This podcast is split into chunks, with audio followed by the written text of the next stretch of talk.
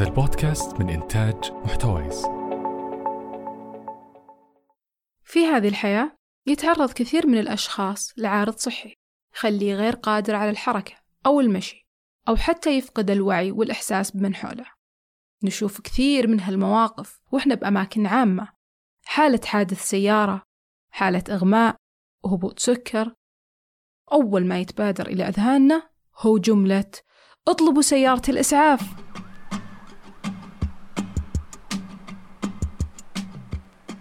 أهلا معكم دعاء البري وهذا بودكاست عند اللزوم. بهذه الحلقة من بودكاست عند اللزوم راح نعيشكم تجربة سيارة الإسعاف. بدون ما تكونون لا مصابين ولا مرافقين أو حتى تشتغلون فيها. أول سيارة إسعاف كانت في عام 1487 من قبل الأسبان. كانت أكبر حاجة لها في هذاك الوقت هو في أوقات الحروب عشان ينقلون المصابين من مكان الحرب إلى المستشفى أو المكان اللي يقدرون يقدمون فيه الرعاية اللازمة. في البداية كانت على شكل عربة طبعا مو سيارة يجرها حمار أو حصان وتطورت مع الوقت لين وصلت لنا إلى آه، سيارة الإسعاف. نشوفها دايم من برا لكن اليوم قررنا نتعرف عليها من جوا مع عبد العزيز وفهد. أغلب الناس يحسبوا إلى يومك هذا ترى الفكرة المشكلة هذه اللي هو ambulance driver ترى كلمة ambulance driver المشكلة هذه أو سائق إسعاف المشكلة هذه مو مش موجودة عندنا في السعودية. ثقافة مجتمع في أمريكا ثقافة مجتمع في كندا ثقافة مجتمع في أستراليا ثقافة مجتمع في العالم العربي بشكل عام. إلى الآن يحسبون إنه الشخص اللي جالس وراء المقود هو شخص فقط وظف لقيادة الإسعاف. غير بسيط. هذه قيادة الإسعاف هذه هي مهمة من أصل مهام لا تقارن بالمهام الأخرى. أنا دايم كان عندي سؤال. مين اللي يسوق ومين اللي يسعف اثنين نسوق اثنين. اثنين نسوق بس هو أعلى مني. أسف أنا الحين استنبطت من كلامكم حاجة إنك تحسبوا إن اللي يسوق الاسعاف سواق. لا. ما عاد في سواق. ما في شيء اسمه سواق. لا لا إيه، ما في شيء عاد ما- في. ما في أحد اسمه سائق سيارة اسعاف وسط كل الضغط بين الوصول للمصاب ونقلة من مكان الإصابة للمستشفى وتقديم كل اللازم داخل سيارة الإسعاف خلال النقل اللي عطلهم زحمة الشارع تصرفات المجتمع تجاه سيارة الإسعاف وأشياء كثيرة محيطة فيهم. اللي يجيك أزود منه شاف إسعاف وراه ما فتح له الطريق. هذا هذا كارثة طبعا. ما يفتح له الطريق يقوم يكبس للي قدامه بالنور أو يشير له بالنور افتح وراء إسعاف. طيب أنا ما بيك أنا الناس هي تشوفني. عرفت كيف؟ افتح لي أنت الطريق. يعني غالبا عندي إشارة. طبعا المرور ما قصروا. أي واحد يقطع الإشارة وراه إسعاف ما تنزل عليه مخالفة. الناس عند الإشارة تشغل له ونان من هنا إلى بكرة ما يفتح. يطلع يده يشير لك وش تبغى؟ تقول له إسعاف وراك يقول خير إذا إسعاف. ما حد مننا كان يعرف أن قطعة الإشارة عشان سيارة الإسعاف تمر ما عليها مخالفة. طبعا أكثر شخص مؤمن يكون داخل سيارة الإسعاف اللي هو المريض. وسط كل هالزحمة يصير العائق هو مرافق المصاب. حالات الحرجة عادة ما إذا كانت الحالة حرجة وبين قوسين بين الحياة والموت. أنا من الناس اللي أرفض أن المرافق يكون معي بكمية الإسعاف. أول شيء يأخذ مجال يأخذ مساحة. ثاني شيء هو معليش أنتوا أنتوا تخيلوا انه شخص قد يكون المريض هذا أبوه قد يكون ابنه قد يكون أمه قد يكون أخته شيء. فإذا شاف حاجة قاعد اسويها قد يتخيل إنه الشغلة اللي قاعد اسويها غلط أو الشغلة اللي قاعد اسويها مؤلمة له. فأنا من النوع اللي عاده إحنا لما تكون الحالات من متوسطه إلى طفيفة يركبوا. الإشكالية وين؟ مثل ما ذكر أخوي. الإشكالية إنه نفهمهم إنه لابد تربط حزام الأمان. أنت في غرفة متحركة. حرفيا أنت في غرفة متحركة الآن. ما في أي شيء يثبتك إلا الحزام اللي أنت بتركبه في ناس ترفض وفي ناس توافق بس للأسف الأغلبية يقول لا ما عليك أنا ماسك نفسي. طيب إذا أنا اللي متعود على الغرفه على على الغرفة المتحركة هذه اللي هي سيارة الإسعاف بعض المرات ما ما أتوازن. فبالك أنت لما تكون أول مرة أو ثاني مرة تركب ال- ال- ال- السيارة.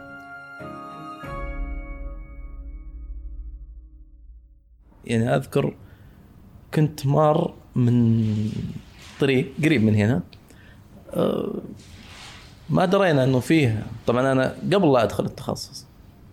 كنت مار من حادث وكنت يعني شايف ناس أنتم مصابين وتبي تسعفهم أو تبي تساعدهم باللي انت تقدر عليه. هذه فطرتنا تقريبا إحنا الشعب السعودي عامة.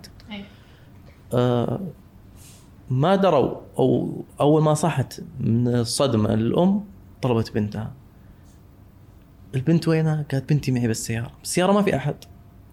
حرفيا كان في كرسي أطفال ورا ولكن الضربة كانت جهته. ما كان في باينه ملامح كرسي الأطفال إلا إنه متكسر تقريبا. دور كرسي اطفال ما في أحد بالسيارة. الأب حالته حرجة الأم أول ما بدأ يرجع لها وعيها أبي بنتي. بنت مين موجودة؟ فعلا دور السيارة ولا طايحة تحت؟ هنا موقف آه إذا إلى يومك هذا يذكر عزيز أقول فتشوا السيارات دائما.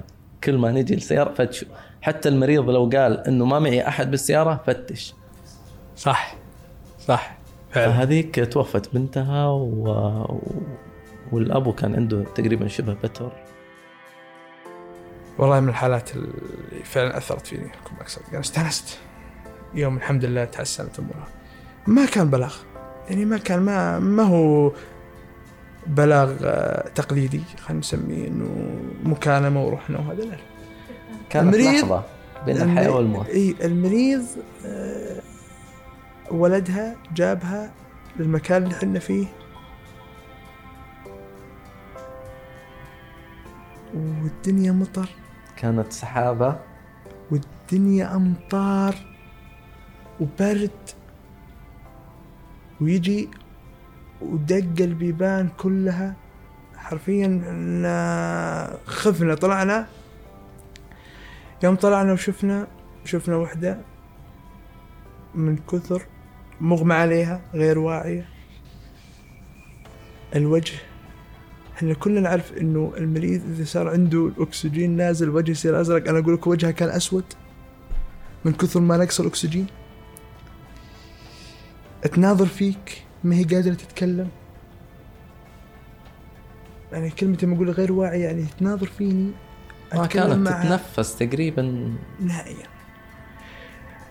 وغابت عن الوعي بلحظات إيه حرفيا خلاص. حرفيا أشد أزمة ربو مرت علي في حياتي كانت هذيك أحط السماعة على صدر على صدر المريض.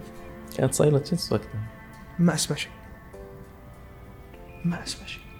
إحنا متعارفين يمكن إحنا نعرف اللي أنا درسته واللي كنا درسناه انك تحط السماعة تسمع حاجة اسمها الصفير. إيش؟ قرينا في الكتب ودرسنا إنه إنه توصل لمرحلة إنه ما تسمع شيء بس أول مرة أشوفها.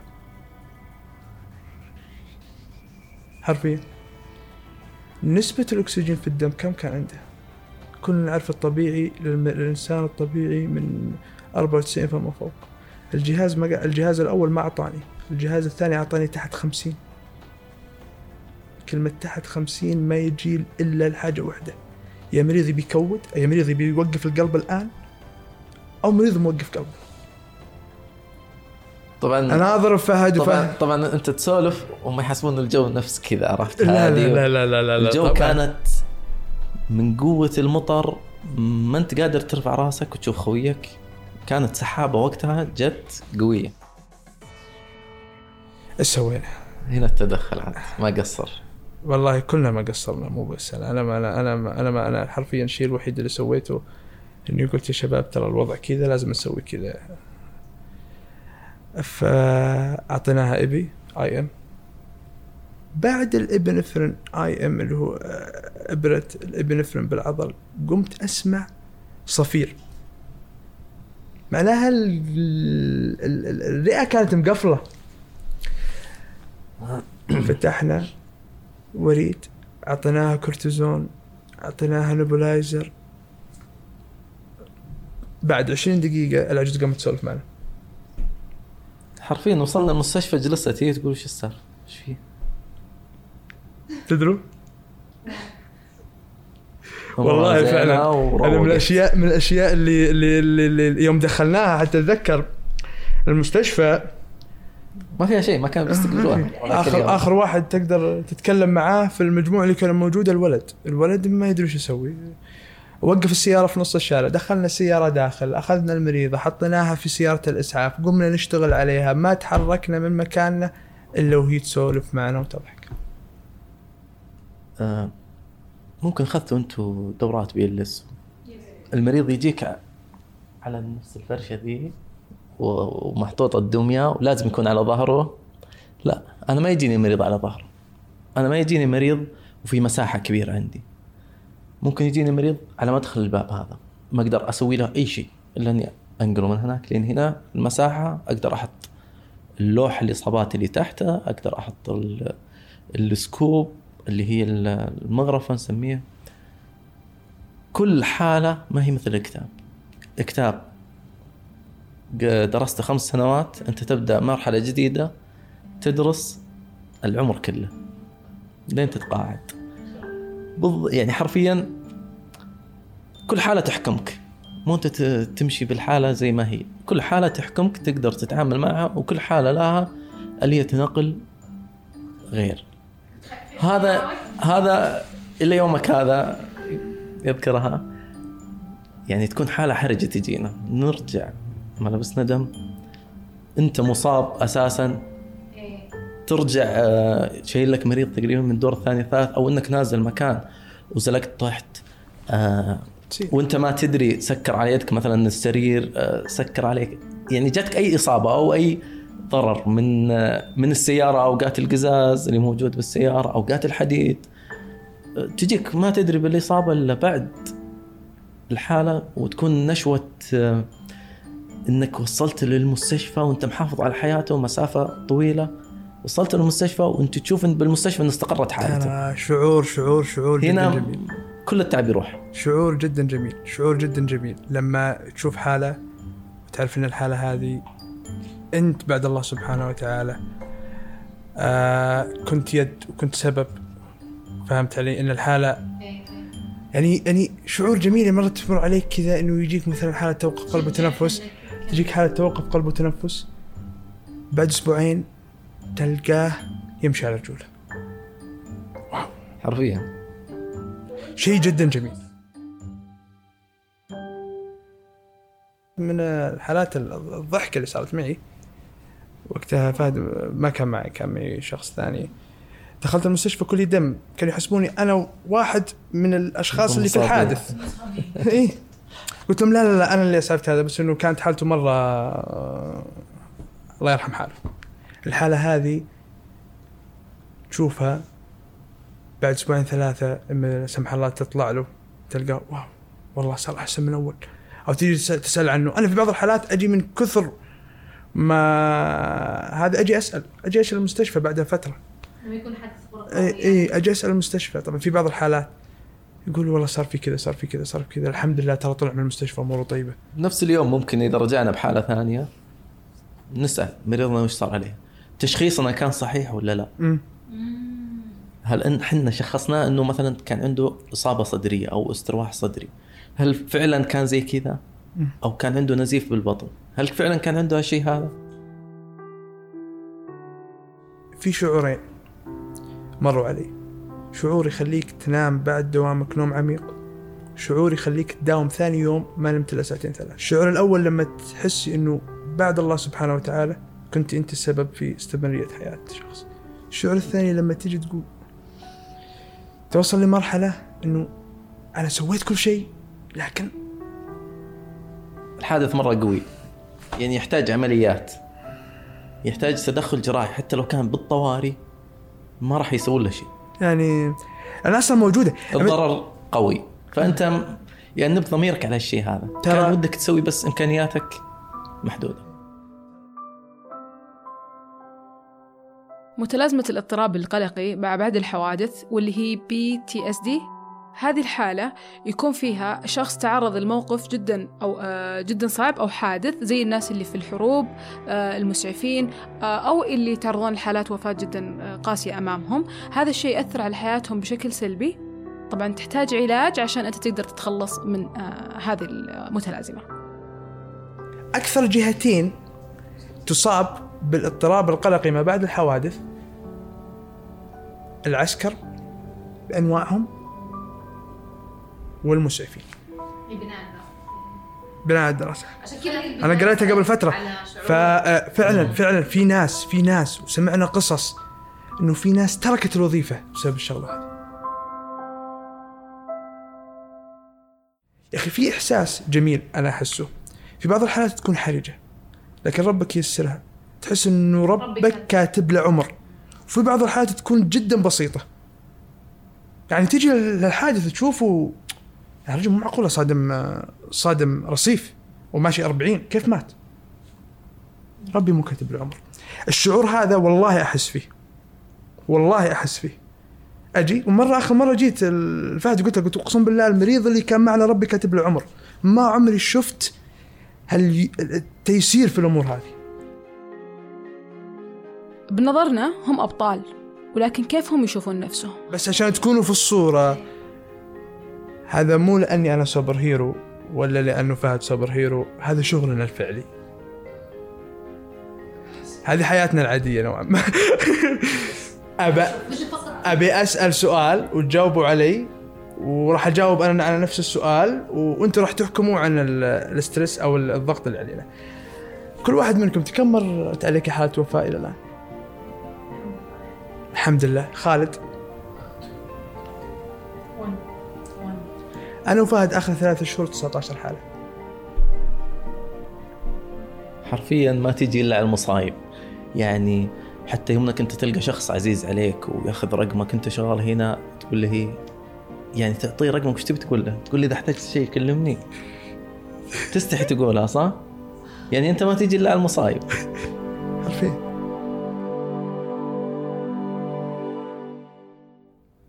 هذا كله كوم وكوم إنك آه الكل متعلق فيك المريض طايح متوقف قلب متوفي من ساعة ساعتين ثلاثة. خلاص حرفيا متوفي ما راح تسوي له شيء. تبي شيء؟ كلهم يناظرون فيك ها؟ عطنا ال عطنا بس قول لنا إنه طيب. الأمل الأمل هذا اللي هو ما هو عندك. نظرة نايم. نظرة نظرتهم إنه نايم الشخص هذا إيه نايم. إنه نظرة نايم نظرة إنه أنا أدري إنك أنت تدري إنه هو متوفي بس لا تقول لي.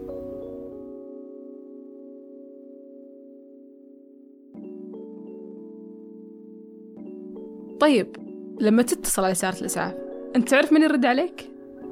اتصال يجي للعمليات. طبعا إحنا ما لنا أي دخل فيه. العمليات هي اللي تأخذ الاتصال وتحلله وتحدد نوع الحالة وتحدد الموقع. تدري إلى الآن يحسبون الناس إذا دقوا الأسعاف يحسبونهم يكلموني أنا أو يكلموا إيه. زميلي كلموني أنا أو كلموا زميلي. كلموني أنا أو كلموا زميلي. يقول انا دقينا عليك ليش ما ترد؟ أنت ما كلمتني أصلا. أنا ما أعرف مين أنت. حرفيا. يعني يعني تكلمت شخص ثاني الشخص الثاني رحل الشخص ثالث الشخص الثالث كلمني. أنا جيتك. حرفيا أنا أجيك ما أعرف مين أنت ما أعرف اسمك. الشيء الوحيد اللي أعرفه الشكوى الرئيسيه إذا كان عندك تاريخ مرضي والعمر والجنس ذكر أو أنثى فقط. ونقدر نلاحظ كيف أثر شغلهم على حياتهم اليومية؟ وبجوانب كثيرة منها البر. أنا فعلا هذا اللي حسيته. علمتني البر. علمتني عقوق الوالدين. شيء جدا مهم. أدخل بيوت أشوف بر أشوف في ناس تتفنن في البر. أدخل بيوت أشوف عقوق أقول يا رب أطلع من البيت والسقف من من هدري يعني توصل لمرحلة بعض المرات إني أجي أشكر. أشكر. أشكر إنه إنك بار في أبوك هذا واجب عليك وأشكرك إنك بار في أمك أو هذه أو هذا واجب عليك. بس أنت كذا قاعد تعطيني درس. تعاملهم مع الضغوط؟ مع الوقت مع الوقت آه، تتحكم بنفسك أكثر. الضغوطات اللي تمر عليك تتحكم فيها بشكل أفضل؟ تكون أهون. أيوة. أيوه أيوه. قيمة لحياتهم. شيء علمنا إنه إنه يمكن أنا في أي لحظة أموت. مثل فلان مات وفلان مات وفلان مات وفلان مات. وحياتهم الاجتماعية. حياة كطبيعة عمل في الإسعاف حياتنا الاجتماعية تغيرت. تخيل. نداوم الأسبوع في الأسبوع أربع أيام في الأسبوع كل يوم 12 ساعة. معناها حرفيا أنت لو تحسبها في السنة أنت تجلس مع زميلك أو تجلس في سيارة إسعاف أكثر ما تجلس مع أمك أكثر ما تجلس مع أبوك أكثر ما تجلس مع أخوانك أكثر ما تجلس مع مع زوجتك. فهمت علي؟ أربع أيام ما تشوف أحد. ما تشوف أحد. يعني حرفيا حرفيا توصل لمرحلة الزميل الزميل اللي معك يعرف أسرار أكثر من أخوك. زين؟ طبيعة عمل. حياة. الإسعاف حياة. ما هو ما هو عمل. الإسعاف حياة. إذا عرفت تعيشها راح تستانس وإذا ما عرفت شوف تخصص ثاني.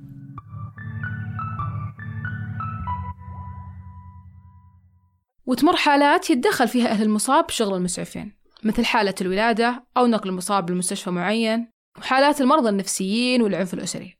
كيف يتصرفون معها؟ حتى حتى لو أثبت لك بتوقيع إنه يتحمل كافة المسؤولية هذا ما يخليك من المسؤولية.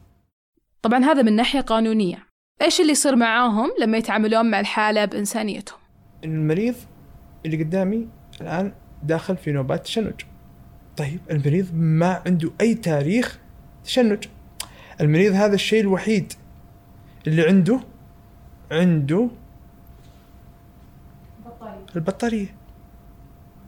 المريض على مسيل دم معناها المريض هذا مو التشنج اللي قاعد أشوفه إما إنه الجهاز اللي داخل قاعد يعط- يعطي القلب ضربات زين معناها إنه القلب مو شغال صح؟